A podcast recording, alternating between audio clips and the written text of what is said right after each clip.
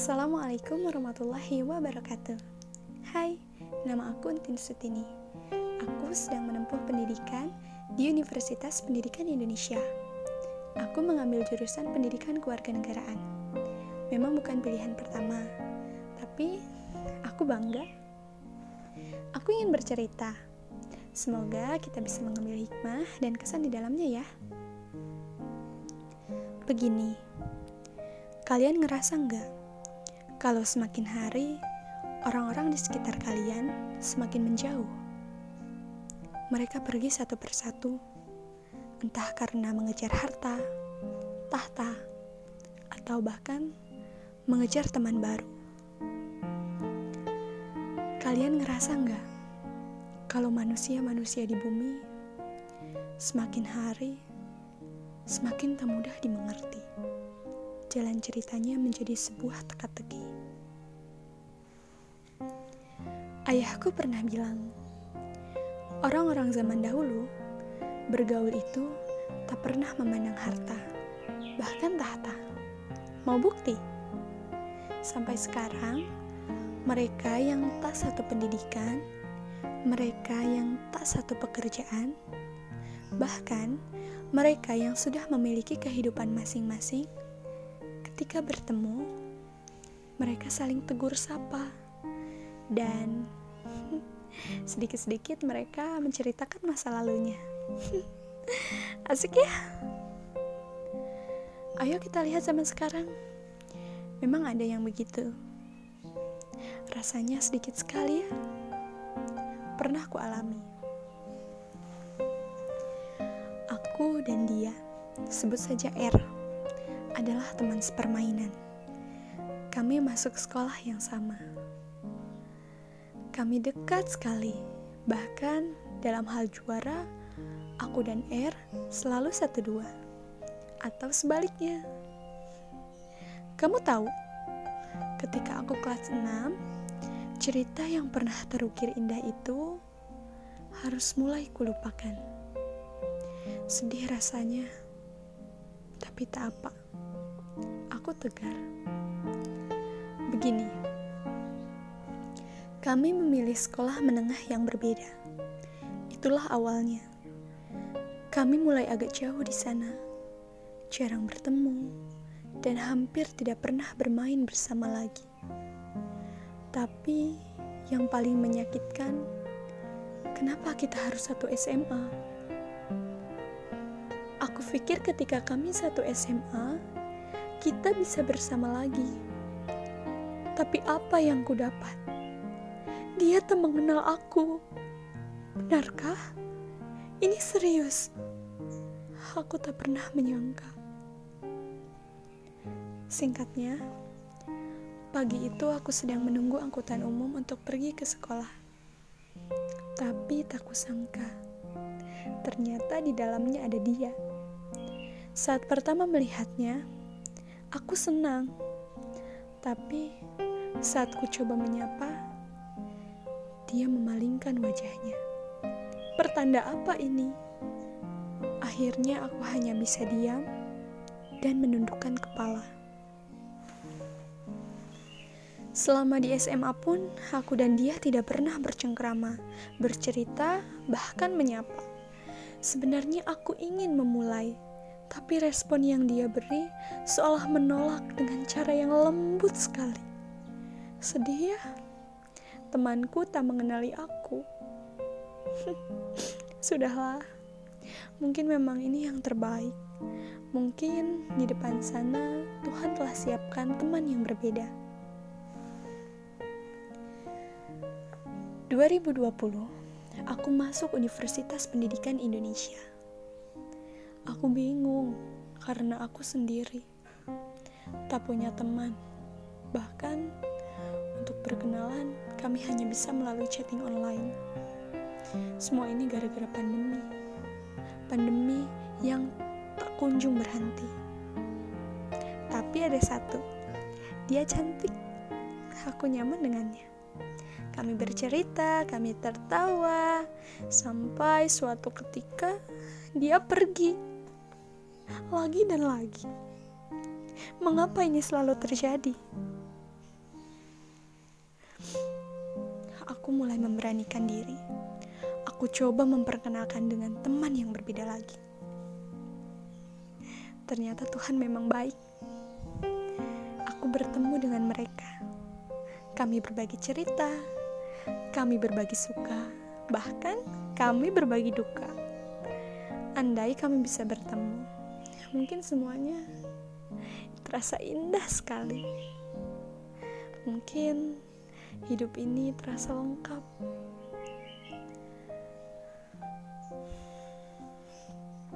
Cobalah untuk menghargai dan menerima temanmu. Sapalah dia dan jangan hancurkan hidupmu dengan keterpurukan. Tuhan selalu memiliki rencana. Namun untuk mendapatkan bahagia, kita harus melewati duka.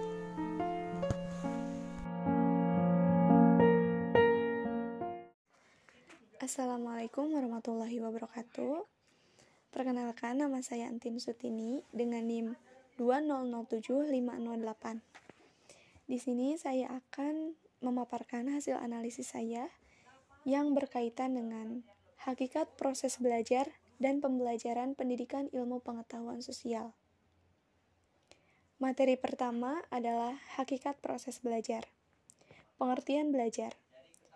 Belajar adalah suatu proses usaha yang dilakukan seseorang untuk memperoleh perubahan tingkah laku baru secara keseluruhan, sebagai hasil dari pengalamannya sendiri dalam interaksi dengan lingkungannya, menurut Hamdani 2010. Sementara, Jamara berpendapat bahwa belajar adalah serangkaian kegiatan jiwa raga untuk memperoleh suatu perubahan tingkah laku sebagai hasil dari pengalaman individu dalam interaksi dengan lingkungannya, yang menyangkut kognitif, afektif, dan psikomotor. Kedua pendapat tersebut berpandangan bahwa belajar bertujuan untuk mengubah tingkah laku ke arah yang lebih baik, dan sebagai sarana untuk memperoleh pengalaman melalui interaksi dengan lingkungannya. Yang kedua, teori belajar. Teori belajar ini dibagi menjadi dua. Satu, teori belajar Gagne, Menurut Gagne, memberikan dua definisi terkait dengan teori belajar, yaitu yang pertama, belajar adalah suatu proses untuk memperoleh motivasi dalam pengetahuan, keterampilan, kebiasaan, dan tingkah laku. Dan yang kedua, belajar adalah pengetahuan atau keterampilan yang diperoleh dari instruksi. Gagne juga mengemukakan mengenai sesuatu yang dipelajari oleh manusia, yang terbagi ke dalam lima kategori yang ia sebut dengan the domains of learning, yaitu keterampilan motoris, informasi verbal, kemampuan intelektual, strategi kognitif, dan sikap. Teori kedua adalah teori belajar konstruktivisme. Dalam teori belajar ini, belajar itu harus dialami sendiri oleh siswa, sehingga nantinya siswa akan dapat memperoleh pengalaman baru yang bermuara pada tingkah laku, Selain itu, siswa juga bisa menemukan sendiri dan mengkonstruksi sendiri pemahaman-pemahaman yang mereka peroleh. Dari kedua teori tersebut, ternyata memiliki hubungan dalam pembelajaran pendidikan ilmu pengetahuan sosial dengan menggunakan model pembelajaran kooperatif tipe STAD, yaitu Student Team Achievement Division. Dalam hal ini tentu saja akan memberikan pengalaman yang bermakna bagi siswa karena akan membuat siswa mampu untuk mengkonstruksi sendiri pengetahuan yang mereka peroleh dan mengembangkan serta meningkatkan perubahan sikap dan tingkah laku ke arah yang lebih baik. Materi kedua adalah hakikat pembelajaran pendidikan ilmu pengetahuan sosial. Ilmu pengetahuan sosial merupakan penyederhanaan dari konsep ilmu-ilmu sosial yang ada. Somantri juga mengemukakan bahwa pendidikan ilmu pengetahuan sosial merupakan penyederhanaan atau adaptasi dari disiplin ilmu-ilmu sosial dan humaniora, serta kegiatan dasar manusia yang diorganisasikan dan disajikan secara ilmiah dan pedagogis atau psikologis untuk tujuan pendidikan. Ilmu pengetahuan sosial adalah perwujudan dari pendekatan interdisiplin untuk tujuan pengajaran di sekolah. Berdasarkan pengertian tersebut, pendidikan ilmu pengetahuan sosial merupakan cabang ilmu sosial yang dirancang dalam sebuah kurikulum sekolah dengan cara mengorganisasikan dan menyederhanakan dalam suatu mata pelajaran yang berbentuk integratif, disajikan secara ilmiah, dan untuk tujuan pembelajaran. Adapun aspek-aspek pembelajaran pendidikan ilmu pengetahuan sosial ini meliputi 1. Manusia, tempat dan lingkungan 2. Waktu, keberlanjutan dan perubahan 3. Sistem sosial dan budaya dan yang keempat, perilaku ekonomi dan kesejahteraan. Secara mendasar, Pembelajaran ilmu pengetahuan sosial ini berkenaan dengan kehidupan manusia yang melibatkan segala tingkah laku dan kebutuhannya. Ilmu pengetahuan sosial berkenaan dengan cara manusia memenuhi kebutuhan dalam hidupnya. Selain itu, pembelajaran pendidikan ilmu pengetahuan sosial juga mengajarkan agar kita turut menjadi warga negara yang baik, yaitu warga negara yang memiliki sikap, tingkah laku, dan karakter yang unggul. Pendidikan ilmu pengetahuan sosial diajarkan di sekolah dengan tujuan untuk membantu siswa agar menjadi pribadi yang lebih baik dalam segala hal, baik untuk dirinya sendiri maupun untuk orang lain, dan membantu siswa dalam mempersiapkan dirinya untuk menjadi warga negara yang baik. Pembelajaran pendidikan ilmu pengetahuan sosial menuntut siswa agar mampu memiliki pengetahuan dan keterampilan dalam menelaah dan menyelesaikan setiap permasalahan baik yang bersifat internal maupun sosial. Tujuan pembelajaran akan dikatakan tercapai ketika terjadi perubahan pada siswa antara sebelum dan sesudah mengikuti proses pembelajaran. Hasil belajar siswa dapat menjadi tolak ukur sejauh mana proses pembelajaran pendidikan ilmu pengetahuan sosial ini berhasil. Jika tingkah laku siswa menunjukkan perubahan pada arah yang positif, maka dapat dikatakan bahwa ia telah berhasil dalam mengikuti proses pembelajaran pendidikan ilmu pengetahuan sosial. Sekian yang dapat saya sampaikan. Terima kasih. Wassalamualaikum warahmatullahi wabarakatuh.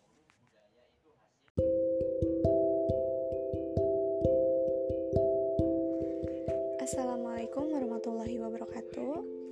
Perkenalkan nama saya Antin Sutini dengan NIM 2007508. Di sini saya akan memaparkan hasil analisis saya yang berkaitan dengan hakikat proses belajar dan pembelajaran pendidikan ilmu pengetahuan sosial. Materi pertama adalah hakikat proses belajar. Pengertian belajar. Belajar adalah suatu proses usaha yang dilakukan seseorang untuk memperoleh perubahan tingkah laku baru secara keseluruhan sebagai hasil dari pengalamannya sendiri dalam interaksi dengan lingkungannya, menurut Hamdani 2010. Sementara, Jamara berpendapat bahwa belajar adalah serangkaian kegiatan jiwa raga untuk memperoleh suatu perubahan tingkah laku sebagai hasil dari pengalaman individu dalam interaksi dengan lingkungannya yang menyangkut kognitif, afektif, dan psikomotor. Kedua pendapat tersebut berpandangan bahwa belajar bertujuan untuk mengubah tingkah laku ke arah yang lebih baik dan sebagai sarana untuk memperoleh pengalaman melalui interaksi dengan lingkungannya. Yang kedua, teori belajar. Teori belajar ini dibagi menjadi dua. Satu, teori belajar Gagne. Menurut Gagne, memberikan dua definisi terkait dengan teori belajar, yaitu yang pertama, belajar adalah suatu proses untuk memperoleh motivasi dalam pengetahuan, keterampilan, kebiasaan, dan tingkah laku. Dan yang kedua, belajar adalah pengetahuan atau keterampilan yang diperoleh dari instruksi. Gagne juga mengemukakan mengenai sesuatu yang dipelajari oleh manusia yang terbagi ke dalam lima kategori, yang ia sebut dengan the domains of learning, yaitu keterampilan motoris, informasi verbal, kemampuan intelektual, strategi kognitif, dan sikap. Teori kedua adalah teori belajar konstruktivisme. Dalam teori belajar ini, belajar itu harus dialami sendiri oleh siswa, sehingga nantinya siswa akan dapat memperoleh pengalaman baru yang bermuara pada tingkah laku. Selain itu, siswa juga bisa menemukan sendiri dan mengkonstruksi sendiri pemahaman-pemahaman yang mereka peroleh. Dari kedua teori tersebut ternyata memiliki hubungan dalam pembelajaran pendidikan ilmu pengetahuan sosial dengan menggunakan model pembelajaran kooperatif tipe STAD, yaitu Student Team Achievement Division. Dalam hal ini tentu saja akan memberikan pengalaman yang bermakna bagi siswa, karena akan membuat siswa mampu untuk mengkonstruksi sendiri pengetahuan yang mereka peroleh dan mengembangkan serta meningkatkan perubahan sikap dan tingkah laku ke arah yang lebih baik. Materi kedua adalah hakikat pembelajaran pendidikan ilmu pengetahuan sosial. Ilmu pengetahuan sosial merupakan penyederhanaan dari konsep ilmu-ilmu sosial yang ada. Somantri juga mengemukakan bahwa pendidikan ilmu pengetahuan sosial merupakan penyederhanaan atau adaptasi dari disiplin ilmu-ilmu sosial dan humaniora, serta kegiatan dasar manusia yang diorganisasikan dan disajikan secara ilmiah dan pedagogis atau psikologis untuk tujuan pendidikan. Ilmu pengetahuan sosial adalah perwujudan dari pendekatan interdisiplin untuk tujuan pengajaran di sekolah. Berdasarkan pengertian tersebut, pendidikan ilmu pengetahuan sosial merupakan cabang ilmu sosial yang dirancang dalam sebuah kurikulum sekolah dengan cara mengorganisasikan dan menyederhanakan dalam suatu mata pelajaran yang berbentuk integratif, disajikan secara ilmiah, dan untuk tujuan pembelajaran. Adapun aspek-aspek pembelajaran pendidikan ilmu pengetahuan sosial ini meliputi 1. Manusia, tempat dan lingkungan 2. Waktu, keberlanjutan dan perubahan 3. Sistem sosial dan budaya dan yang keempat, perilaku ekonomi dan kesejahteraan. Secara mendasar, Pembelajaran ilmu pengetahuan sosial ini berkenaan dengan kehidupan manusia yang melibatkan segala tingkah laku dan kebutuhannya. Ilmu pengetahuan sosial berkenaan dengan cara manusia memenuhi kebutuhan dalam hidupnya. Selain itu, pembelajaran pendidikan ilmu pengetahuan sosial juga mengajarkan agar kita turut menjadi warga negara yang baik, yaitu warga negara yang memiliki sikap, tingkah laku, dan karakter yang unggul. Pendidikan ilmu pengetahuan sosial diajarkan di sekolah dengan tujuan untuk membantu siswa agar menjadi pribadi yang lebih baik dalam segala hal, baik untuk dirinya sendiri maupun untuk orang lain, dan membantu siswa dalam mempersiapkan dirinya untuk menjadi warga negara yang baik. Pembelajaran pendidikan ilmu pengetahuan sosial menuntut siswa agar mampu memiliki pengetahuan dan keterampilan dalam menelaah dan menyelesaikan setiap permasalahan baik yang bersifat internal maupun sosial. Tujuan pembelajaran akan dikatakan tercapai ketika terjadi perubahan pada siswa antara sebelum dan sesudah mengikuti proses pembelajaran. Hasil belajar siswa dapat menjadi tolak ukur sejauh mana proses pembelajaran pendidikan ilmu pengetahuan sosial ini berhasil. Jika tingkah laku siswa menunjukkan perubahan pada arah yang positif, maka dapat dikatakan bahwa ia telah berhasil dalam mengikuti proses pembelajaran pendidikan ilmu pengetahuan sosial. Sekian yang dapat saya sampaikan. Terima kasih. Wassalamualaikum warahmatullahi wabarakatuh.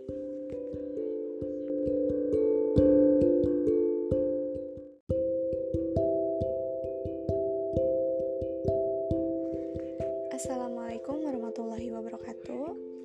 Perkenalkan, nama saya Antin Sutini dengan NIM 2007508. Di sini saya akan memaparkan hasil analisis saya yang berkaitan dengan hakikat proses belajar dan pembelajaran pendidikan ilmu pengetahuan sosial. Materi pertama adalah hakikat proses belajar. Pengertian belajar.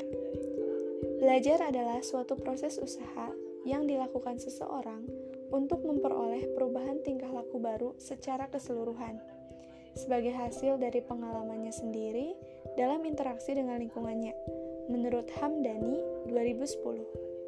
Sementara, Jamara berpendapat bahwa belajar adalah serangkaian kegiatan jiwa raga untuk memperoleh suatu perubahan tingkah laku sebagai hasil dari pengalaman individu dalam interaksi dengan lingkungannya yang menyangkut kognitif, afektif, dan psikomotor.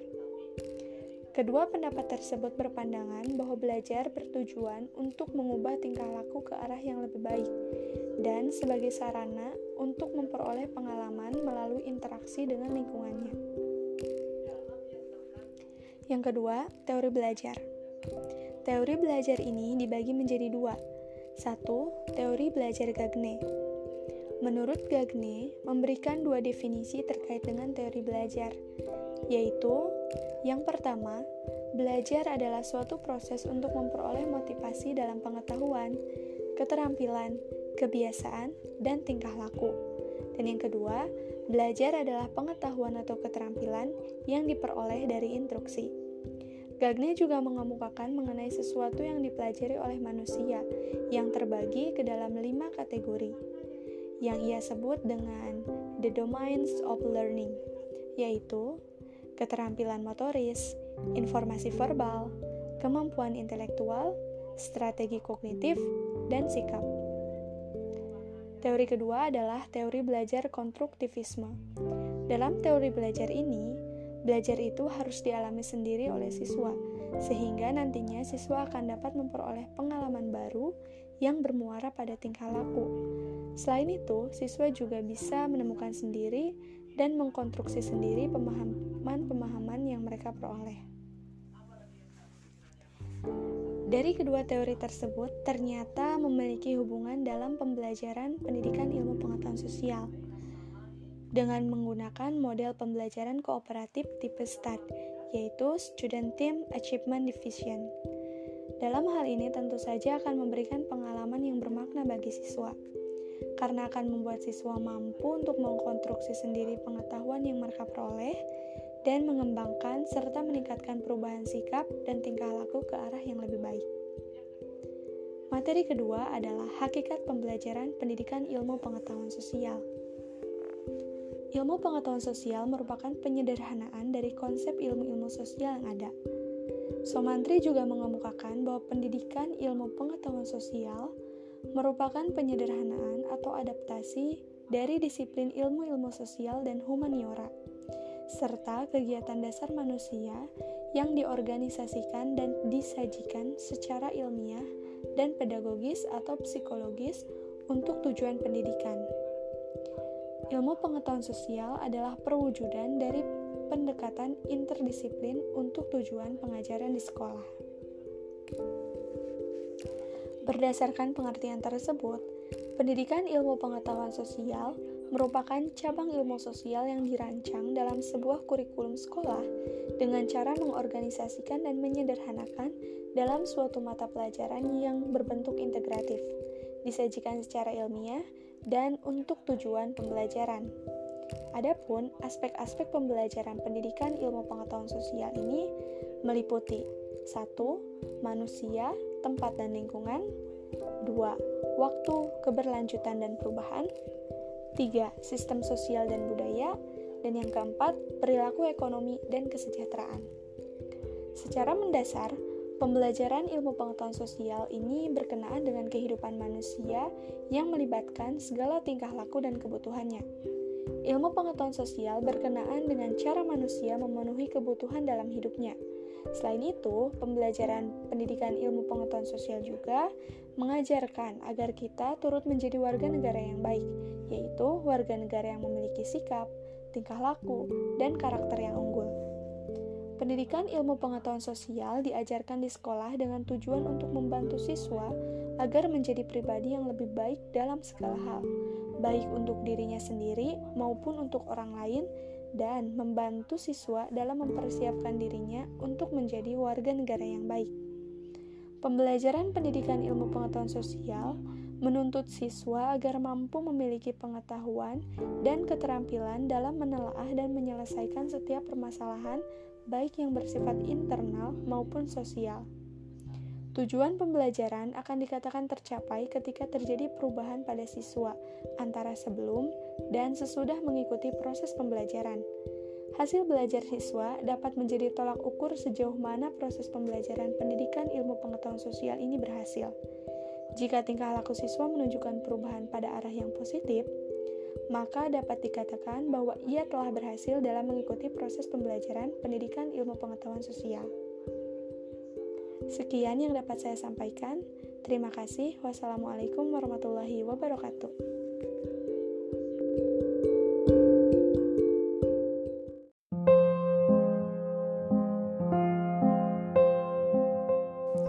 Assalamualaikum warahmatullahi wabarakatuh Hai, nama aku Entin Sutini Aku sedang menempuh pendidikan di Universitas Pendidikan Indonesia Aku mengambil jurusan pendidikan kewarganegaraan Memang bukan pilihan pertama, tapi aku bangga. Aku ingin bercerita. Semoga kita bisa mengambil hikmah dan kesan di dalamnya ya. Begini, kalian ngerasa nggak kalau semakin hari, orang-orang di sekitar kalian semakin menjauh. Mereka pergi satu persatu, entah karena mengejar harta, tahta, atau bahkan mengejar teman baru. Kalian ngerasa nggak kalau manusia-manusia di bumi semakin hari semakin tak mudah dimengerti? jalan ceritanya menjadi sebuah teka-teki. Ayahku pernah bilang, orang-orang zaman dahulu bergaul itu tak pernah memandang harta, bahkan tahta. Mau bukti? Sampai sekarang, mereka yang tak satu pendidikan, mereka yang tak satu pekerjaan, bahkan mereka yang sudah memiliki kehidupan masing-masing Ketika bertemu, mereka saling tegur sapa dan sedikit-sedikit mereka menceritakan masa lalunya. Asik ya? Ayo kita lihat zaman sekarang. Memang ada yang begitu. Rasanya sedikit sekali ya. Pernah aku alami. Aku dan dia, sebut saja R adalah teman sepermainan. Kami masuk sekolah yang sama. Kami dekat sekali, bahkan dalam hal juara, aku dan R selalu satu dua, atau sebaliknya. Kamu tahu, ketika aku kelas 6, cerita yang pernah terukir indah itu harus mulai kulupakan.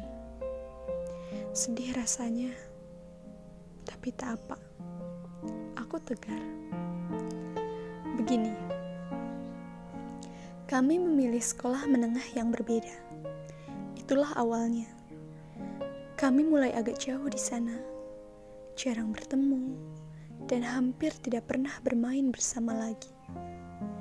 Tapi yang paling menyakitkan, kenapa kita harus satu SMA? Aku pikir ketika kami satu SMA, kita bisa bersama lagi. Tapi apa yang ku dapat? Dia tak mengenal aku. Benarkah? Ini serius. Aku tak pernah menyangka. Singkatnya, pagi itu aku sedang menunggu angkutan umum untuk pergi ke sekolah. Tapi tak kusangka, ternyata di dalamnya ada dia. Saat pertama melihatnya, Aku senang, tapi saat ku coba menyapa, dia memalingkan wajahnya. Pertanda apa ini? Akhirnya aku hanya bisa diam dan menundukkan kepala. Selama di SMA pun, aku dan dia tidak pernah bercengkrama, bercerita, bahkan menyapa. Sebenarnya aku ingin memulai, tapi respon yang dia beri seolah menolak dengan cara yang lembut sekali. Sedih ya, temanku tak mengenali aku. Sudahlah, mungkin memang ini yang terbaik. Mungkin di depan sana Tuhan telah siapkan teman yang berbeda. 2020, aku masuk Universitas Pendidikan Indonesia. Aku bingung karena aku sendiri, tak punya teman. Bahkan untuk berkenalan, kami hanya bisa melalui chatting online. Semua ini gara-gara pandemi. Pandemi yang tak kunjung berhenti. Tapi ada satu, dia cantik. Aku nyaman dengannya. Kami bercerita, kami tertawa, sampai suatu ketika dia pergi lagi dan lagi. Mengapa ini selalu terjadi? Aku mulai memberanikan diri. Aku coba memperkenalkan dengan teman yang berbeda lagi. Ternyata Tuhan memang baik. Aku bertemu dengan mereka. Kami berbagi cerita, kami berbagi suka, bahkan kami berbagi duka. Andai kami bisa bertemu, mungkin semuanya terasa indah sekali. Mungkin hidup ini terasa lengkap.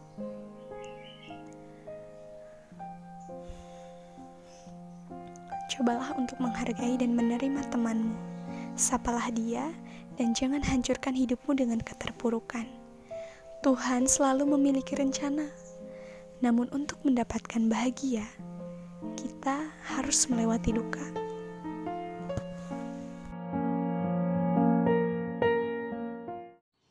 Assalamualaikum warahmatullahi wabarakatuh. Hello, my name is Ntin Sutini with student ID number 2007508. In this podcast, allow me to ask group 5 about civic education. In everyday life, many of us do not think that civic education is important. The question is, why is civic education so often considered an insignificant subject?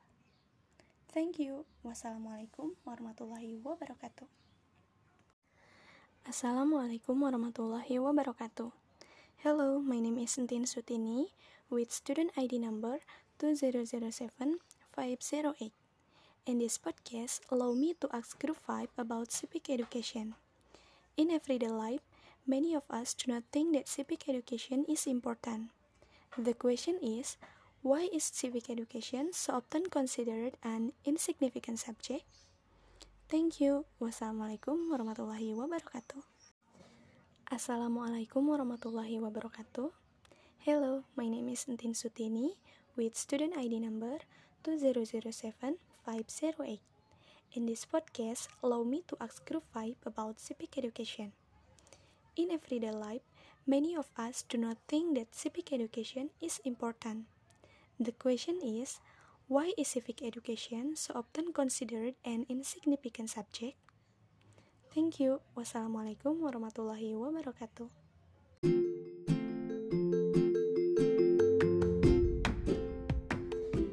Assalamualaikum warahmatullahi wabarakatuh. Hello, my name is Entin Sutini with student ID number 2007508. In this podcast, allow me to ask group 5 about civic education. In everyday life, many of us do not think that civic education is important. The question is, why is civic education so often considered an insignificant subject?